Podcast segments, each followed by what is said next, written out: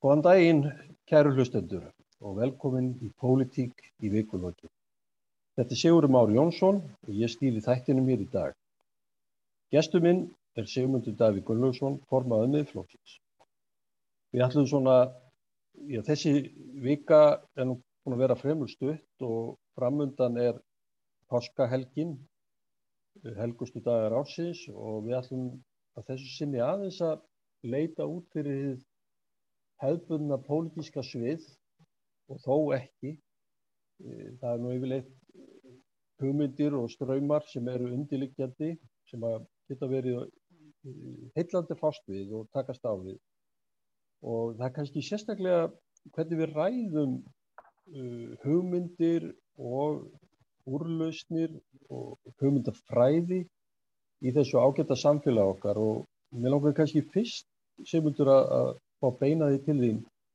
Uh, svona að því við verum kannski aðeins út úr hennu hefðbundna ís og þís stjórnmálana núna hér uh, skýrtaðu framöndan og, páskahelgin. Hvernig svona að þeim málefni sem eru sett á dagskar hverju sinni undirlíkjandi hugmyndafræði orðræða og, og þeir svona sem ströymar sem að fara í um í stjórnmálauðræðinni hvernig finnst þér að við vera lausna miðuð, er þetta umræða sem byggir á á skýri hugmyndafræði er, er fólk er að vinna með hugtök sem eru afmörkuð og skilgrind eða erum við svolítið svona bara alltaf eins og já, í lausagangi að bregðast við því sem að dettur við fætur okkar á hverjum degi? Já, þú, þú spyrir stort og, og það er áhverð að ræða þessi stóru mál svona, á, á þessum tímapunkti við hátíðnar. Eh, ég hef á tilfinningunni og hef nú tjáð mér talsast um það síðar í misseri og ár að, að hugmyndafræði almennt sé mjög undanhaldi en ekki bara það heldur sé líka rökræða og allt sem að ég myndi kalla skynnsemishyggju að, þetta sé á undanhaldi líka og stjórnmálinn séu farin að snúast meira en nokkru sinni fyrr um umbúðir og einhvers konar yfirbóðsmennsku. Réttu uh, frasana og, og reyndar fylgispekt við ákveðnar stefnur, ákveðnar ströyma og stefnur sem að mætti kannski kalla hugmyndafræði ef þetta væri ekki svona samingislaust. Ég, ég fæ kannski að koma aðeins inn á það á, á eftir. En, en þetta er þróun sem að ég hef haft áhugjur af um um allan skeið, frá því áður en ég byrjaði í pólitíkinni og mér finnst hún verið að ágerast mjög uh, á Íslandi og auðvitað víða annar staðar líka. Svo kemur þessi faraldur og þá í rauninni leggst pólitísk umræða eða umræða um stóru málin sem að mörg hver voru nú orðin aðkallandi. Hún leggst bara af pólitík, stjórnmálu umræða á Íslandi hefur leið í dvala meira og minna núna í, í rúmt ár. Og það gerist í framhaldi af þessari þróun, þar sem að gamla hugssjónin um hvernig stjórnmála umræða ætti að virka, þessi, þessi frjálslindis hugssjón sem að hefur verið að mótast um, um aldir, um, um það að, að skoðana skipti og rökræða væru leiðin að bestu niðurstöðinni. Eh, þetta hefur átt mjög á brattan að sækja og svo allt í einu er bara ítt á pásu alveg. Og þá held ég reyndar að við þær aðstæður þegar, þegar þjóðir heims upplifa sig í, í nokkus konar neyðar ástandi þá færi mér kannski aftur að velta fyrir sér því sem að skiptir mestu máli, stóru viðfangsefnunum. En áhrifin hafað mínum að til orðið þverjuhug. Annars vegar hefur hefbundin raukræða, raukræða pólitísku umræða, fallið dala, en hins vegar hefur, hefur nýjaldar pólitíkin, svo ég gefið svona hvað nafn, bara fæst í aukana til þessar aðstæður, sem er öfugt við það sem að maður vonaðist til að er þó jákvæð áhrif af, af því að takast sameinlega á við erfiðar aðstæður. Uh, þetta, þetta horfir ekki vel að, að mínum að og ég tel það afskaplega mikilvægt fyrir okkar samfélag og önnur að við getum aftur farið að skiptast á skoðunum, rökraðar, varpa fram hugmyndum án þess að ákveðnar hugmyndir séu fyrirfram afskrifaðar vegna þess hvaðan þær koma eða með því að stimpla þær sem, sem afsprengi já, eins og í Breitlandi nýlendu stefnu eða maður, maður heyrir marga frasan að nota til þess að reyna að afskrifa umræðu. Þetta er allt frá feðraveldin og einhvers slíkt. Uh, ég held að það sé mjög mikilvægt fyrir, fyrir samfélag Vesturlanda núna að fara aðeins að ræða aftur um alvöru stjórnmál. Já, þetta er hefði, eins og lýsir þessu þá er svona nálgun Svolítið erfitt kannski og ég veit ekki hvernig kjósendur eru að stundum að greina í það. Við erum náttúrulega komin í það ástand hér á Íslandi að við erum með fleiri flokka en vorum hér lengst af. Hér pólitíska við byggðist upp í einhvers konar fjórflokkakerfi þar sem að, sem að ángaði átakapunktana sem voru kannski að sömuleiti stjættastjórnmál og síðan einhvers konar afstæða til hersins eða utaríkismála. Þetta voru svona þeir ásats sem þá voru búinir til síðan byrjast við sigla inn í svona tímabil þar sem að hugmyndafræði kaldastris hugmyndafræðin er eiginlega hverfur á braud og við tökum við svona trú á, á, á markaðin og, og alþjóðaviðskipti og annað slíkt og síðan kannski maður segja að það hafi beðið ákveðina ákveði skipbrot í kringum bankarhunnið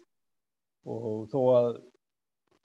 kannski eins og fyrir Íslands samfélag það voru þetta sátsökafullu tímar en eh, þegar upp að staði þá tóks kannski ágætlega að greiða úr því. En við sittum auðvitað áfram með alls konar átakapunkta sem að við höfum ekki áður, áður haft og, og þá kannski hvaða leiðir hérna við finnum út úr því. Það, það er eh, svona eins og þú talar gert fyrir rökhyggju nálgun, svona lausnamiðaðri nálgun,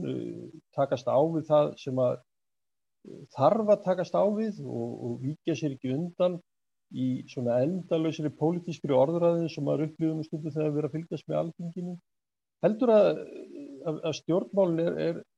er þau færum að, ég ætla nú ekki að fara að dvelja við þau stóru vandamál sem kannski eru á borðinu núna en svona almennt séð, eru þau færum að leysa úr uh, þeim, þeim viðfónsefnum sem að þarf til þess að, að þjóð, þjóðlífið, hagkerfið og, og þessar helstu stopnarnir sem að samfélagi hangi saman, er, er það stjórnmáli færum að leiða þetta áfram? Já, ég óttast, eða ma maður fær stundum á tilfinninguna, skulum við segja, á þess að það sé náttúrulega algilt frekar en okkur annan maður fær á tilfinninguna að því stærri sem málinn eru og þeim er mikilvægri og fyrir vikið kannski flóknari þeim mun uh, minni er umræðin um þau eða, eða, eða yfirborðskendari. Uh, það, það eru svona smarri mál, afmörkuð mál sem vekja aðtigli og umræðu í stjórnmálunum og í fjölmjölum en stóra myndin hún eh, á, á erfitt uppdráttar og, og það er erfitt fyrir stjórnmálamenn að beina aðtiklinni að stóru myndinni sem að þarnast kannski yfirlegu og, og, og raugræðu að meðan að ef, ef viðfangsefnið er nógu afmarkað þá þá hafa allir skoðun og menn geta reyfist Eh, endalust. Þetta byrtist meðal hans í fjárhæðum, þeim fjárhæðum sem að um er að ræða. Eh, ef að það er einhver staðar, einhver klúður, þar sem að tíu miljónir uh, glatast, þá hafa minn mikla skoðun á því í stjórnmálunum. En eh, ef að um er að ræða leiðir til þess að spara 10 miljardar eða 100 miljardar eða auka tekjur ríkisjóðs um, um einhverja slíkar upphæðir þá fer afskaplega lítil umræða og fyrir vikið rökræða og hugmyndavinna af stað. En það þýðir ekki að, að menni að gefast upp á því að, að reyna að ræða stórmyndina. Það er, það er auðvitað gríðarlega mikilvægt því að öll smáumistökinn þau á endanum skipta litlu máli ef að, ef að hægt er að ná árangri með, með stórumyndina. Það er að segja, uh, það verða allstaðar í stopnunum og, og rekstri samfélags e, e, einhver mistök gerð og, og einhvað tapast og einhvað eðilegst og einhvað gengur ekki upp svona dag frá degi. En við erum miklu betur í stakk búin til að þóla slíka daglega eða vikulega viðbörði ef að heildarmyndin er í lagi á okkur. Og það má þá setja þetta í samingi við það sem þú kemur aðeins inn á sem að voru þessar, þessar stóru aðgerðir eftir fall bankana árangur þar snerist allur um að líta á heildarmyndina og rökræða, kalla eftir hugmyndum vinna úr þeim og svo að framkvæma í samræmi við það. Og þar komum við að öðrum, öðrum manda. Þetta er ekki bara spurningum um skorst á, á raugræðu og hugmyndavinnu. Það er líka að þetta er mikil skortur á framkvæmt í politík. Og það tengist sérstöku áhuga eða, eða áhugjefnu mínu sem er kerfisvæðing samfélagsins og þar með talið stjórnmáluna. Stjórnmálamenn eru jamt og þjætt að gefa frá sér valdsitt og sumir myndu kannski segja er það ekki bara ágætt, þessi stjórnmálamenn er nú allir eins og þeir eru alveg ómögulegir, er ekki betra bara að, að láta einhverja sérfræðinga um að stjórna landinu, að svona aukinn tilneng til að megjast að að sérfæðinga veldi eða upplýstu einveldi, slikar hugmyndir voru þetta uppi fyrra áldum en, en við höfum fyllt líðræðis hugmyndinni en hún virkar ekki ef að ef það skiptir ekki döll máli hvað fólk kýs. Því að það fær alltaf sömu stefnuna. Eh, þróunin hefur verið svo og þetta er auðvitað ekki sér íslenskt fyrirbreyði að, að stefnan heldur bara óbreytt áfram eftir kostningar af því að það er í rauninni kerfið sem að stjórnar svo miklu. Og með þessu er verið að taka líðræðislegt vald af almenningi. Stjórnmálamenn með því að gefa frá sér valdið eru í rauninni að gefa einhvað sem að þeir eiga ekki. Þeir fá að fara með ákveði vald í, í nokkur ár, fjögur ár yfirleitt. Þannig að með því að gefa það frá sér á meðan þeir fá að fara með það þá er þetta að gefa vald sem að almenningur, kjósundunir, eiga í líðræðsvíki. Og þetta hefur að mínum að þetta gengið allt of lánt og umræðan um þetta að allt of miklu leiti af, uh, mótast af, af því að stjórnmálamennir sjálfur Eh, sjáu sér skamtíma pólitískan hag í því að, að gera lítið úr eigin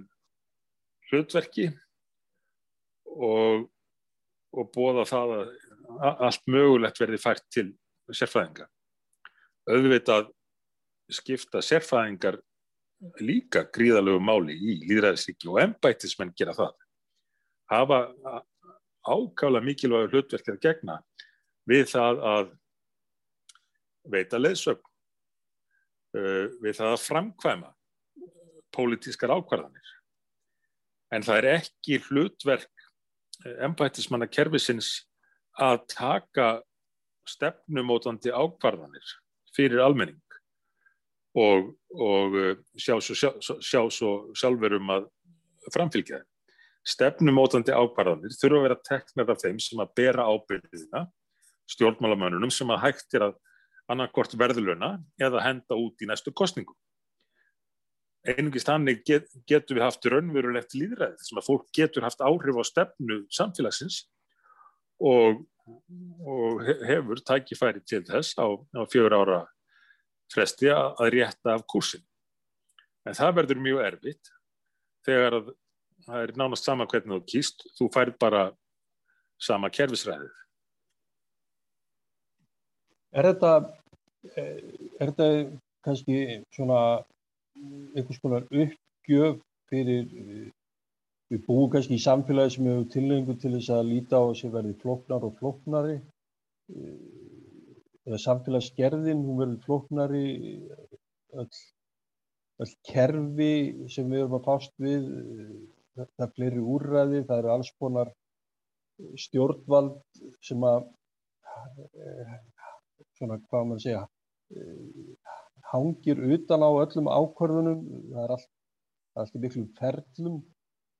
Við sjáum það kannski best í, í kringu svona skipulagsmál það því pólitíska vald ákvöðu kannski að það, það þurfa að ráðast ykkur á framkvæmdur og hefur alveg umbóðu vald til þess en það bara næst ekki að gera það af því að það er orðið svo húglamalegt ferli er nú, nú vil fólk hafa að, að hlutinni séu gerðir á réttan hátt og það séu svona öll sjónamið dregin að borðinu og, og þarfamingum guttónum en En, en það kannski skortir á, á viðleitni til þess að horfa á þetta gaggrínum augum og spyrja getur við ekki gert þetta betur? Uh, má ekki einfalda hér? Má spyrja sér þeirra spurningar og senda það kannski tilbaka þegar eitthvað hefur gengið mjög illa og træglega lengi? Uh, fyrir utan það, það mikla kostnæðarauka sem þetta hefur auðvitað allt í förmið sér er þessi leið til þess að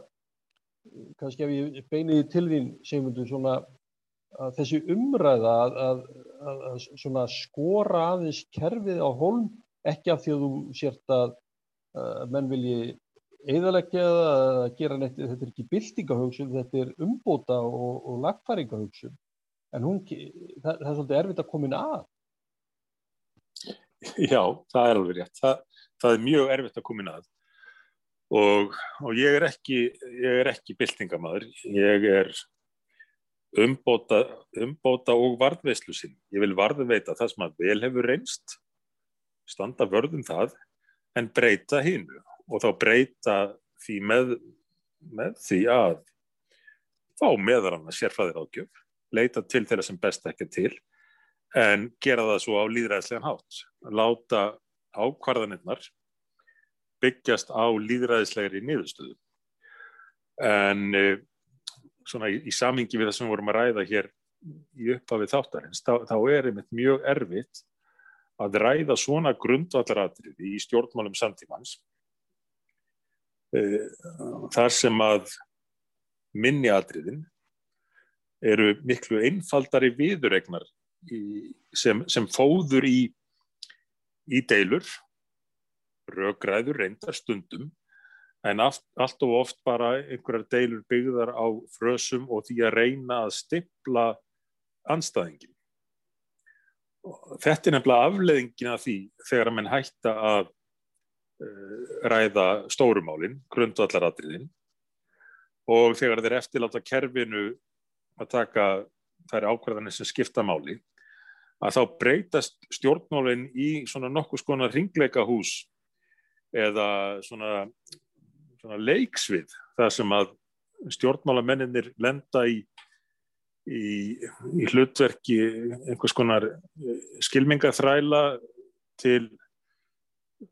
til já, skemmtunar, þetta fyrir að snúast um það oft, að, að reyna að ná í gegn sem,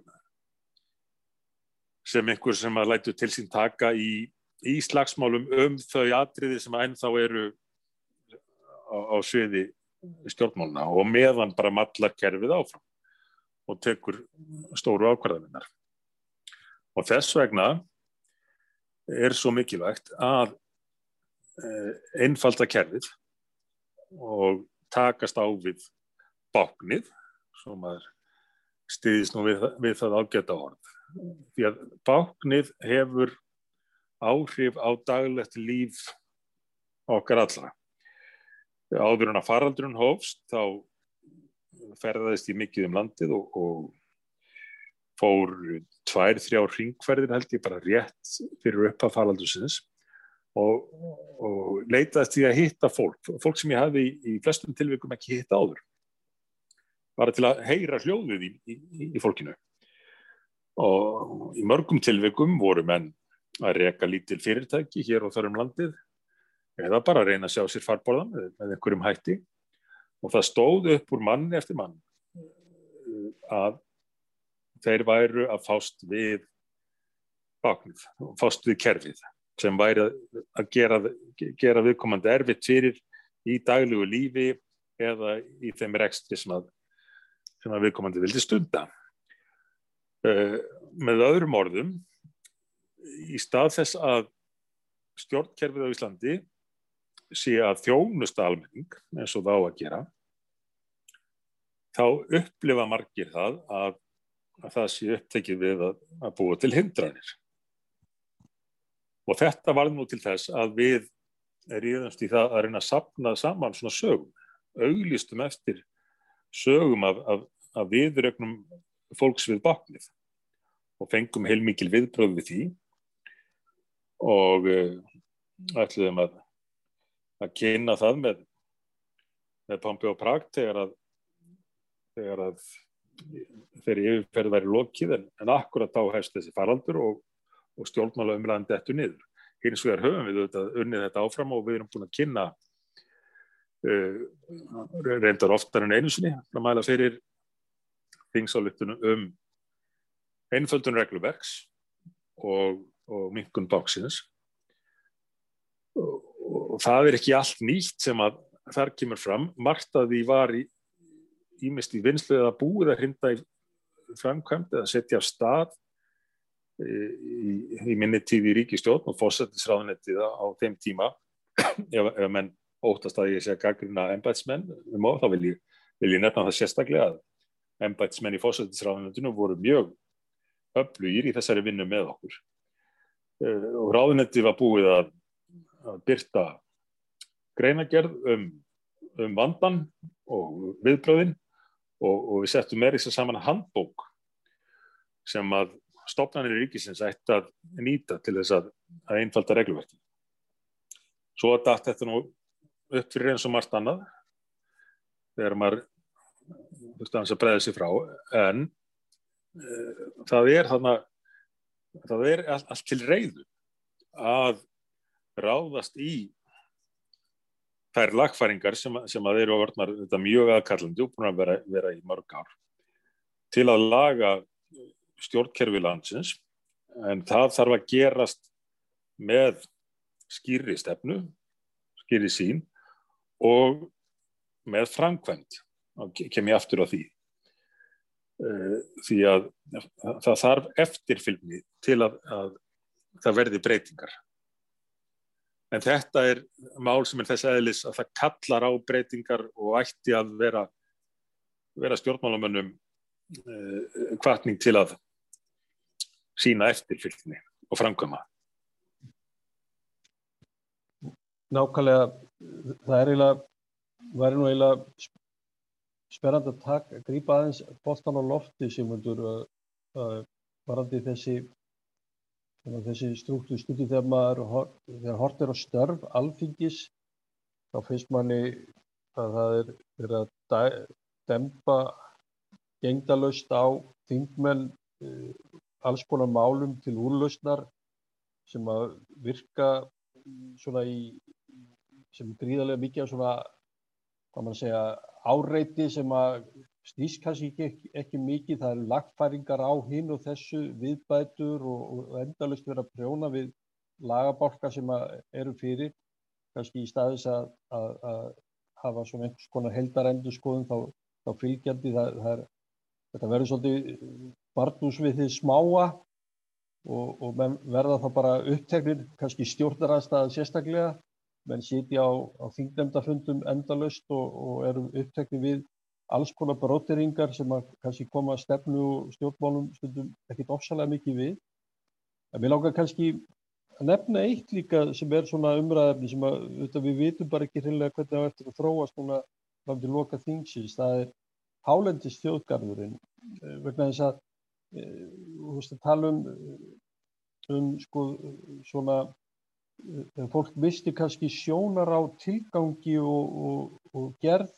þeirra kerfa eða þeirra stopnarna sem eru settar upp. Nú, þegar lesnar eru umsagnir og, og umkvartanir fólk sem að er að horfa á að þetta er verið að gera til undir þess að búa til mjög stóra stjórnsýslu einingu og ef ef það er gaggrið þá er fólk spurt ég ert ekki hlindur friðun eða verndur landsins? Ef þú stiður ekki þessa gerða stjórnsýslu? En þetta er einmitt kannski verið að taka vald og, og yfirsýn og, og, og umsjón og jáfnveil umhyggjus ef maður verður svona pílitið mjúkur í máli fólksins alls í kringu landsins og stopnarnavæða eh, stóra hlut af Íslandi. Ef ég tekið það bara sem dæmi, hvernig kemur það þér fyrir sjöfum?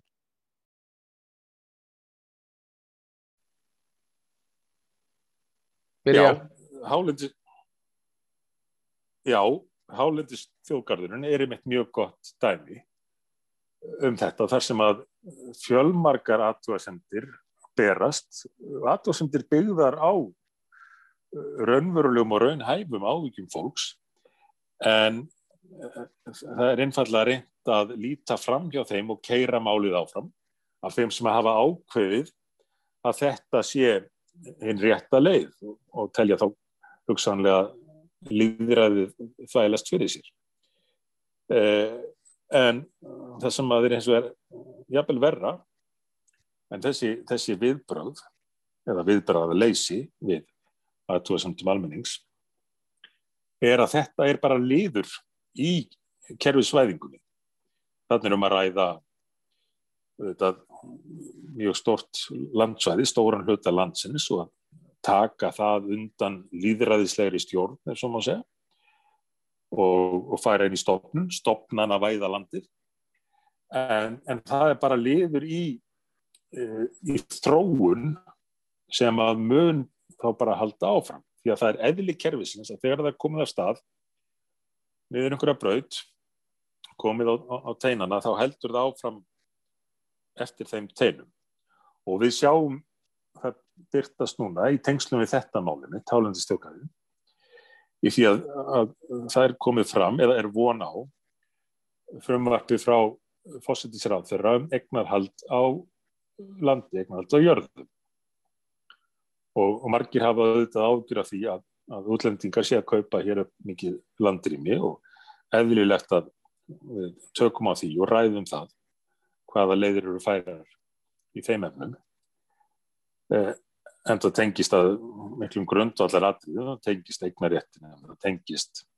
fullveldi þjóðarinnar og yfirráðun yfir og svo framæðis en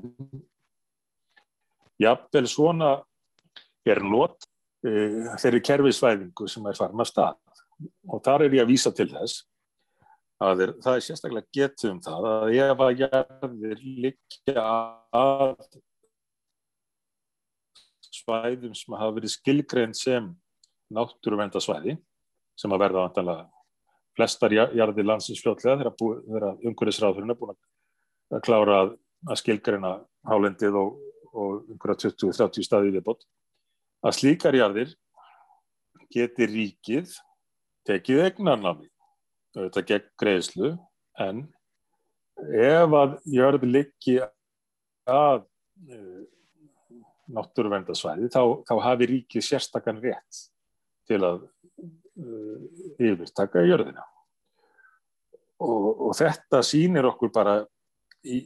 að hverju er stemt ég held að langt flestir landsmenn líklega eiginlega allir gerir sér mikilvægi fyrir mikilvægi, grein fyrir mikilvægi þess að, að vernda hér náttúruna. En flesti landsmenn gerir sér líka grein fyrir mikilvægi þess að við getum notið náttúrunar. Og það sé líðræðisleg stjórn yfir landinu öllu en, en það sé ekki tekið rétt eins og svo margt annað sem við hefum rætt það sé ekki tekið undan valdi almennings, undan líðræðisleiri stjórn og kervis og stofnanavætt. En uh, þeir sem að reka þetta áfram eru þetta býstna segir í því að, að spila á kerfið og búinir að í rauninni laga kerfið að sinni sín með því að hugmyndafræði sem likur þarna baki sé komin inn í uh, rýmsu stofnanir og þá hægur leikur fyrir uh, stjórnmálamennina að, að láta, láta kerfið uh, framkvæma sinn vilja. Svo framalega sem að menn grýpa ekki inn í og, og, og þessi, þessi hálendis þjóðgarður er einmitt aftur gott dæmi um þessa þróun vegna þess að þar var ekkert gripið inn í fyrir en bara á síðustu stundu. Það letu allir leiða sig áfram ema fulltrú okkar eh, í í undirbúningsnefndinni sem að sagði sig frá vinnunni eftir að hafa séð í hvað stendi. Og við förum að reyna að vekja aðtikla á þessu þinginu og í nefndastörfum þar. Og þá svona kviknaði loksins á perunni hjá einhverju en þetta er eitt af þeim málum sem hefur bara flotið í gegn. Og að hluta til í skjóli þessa, þessa faraldusástands ef að við hefum ekki greipið inn í.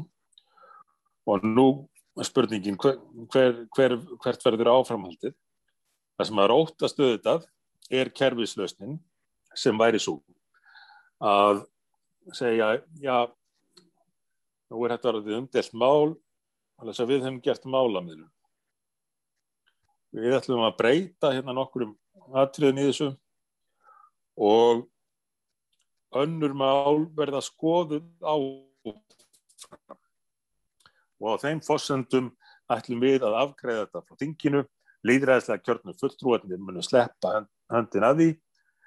vegna þess að það er búið að mila málum og, og, og sættast á það að mál verði skoðuð áfram. En hverjir munum taka að sér að skoða málun áfram? Það verður nákvæmlega það kerfi sem að bjóða þetta til og þá verður líðræðislega aðkoma á sögunni. Já, Sigmundur. Uh, og möguleikar kjósenda almennings á þróun að fara í fórkvöldum. Nákvæmlega, þetta er eitt af þeim stóru málu sem að býða og, og það, við þurfum örglega að taka aðra og, og djúpa umröðum um þetta mál en ég heldur segjum þessu loki hér að sinni, e, pólitík vikulokk þættinum er lóti. Ég byrð hlustendur velverðingar á, á smá tæknilegum hnökurum. Við erum að reyna að taka þáttir upp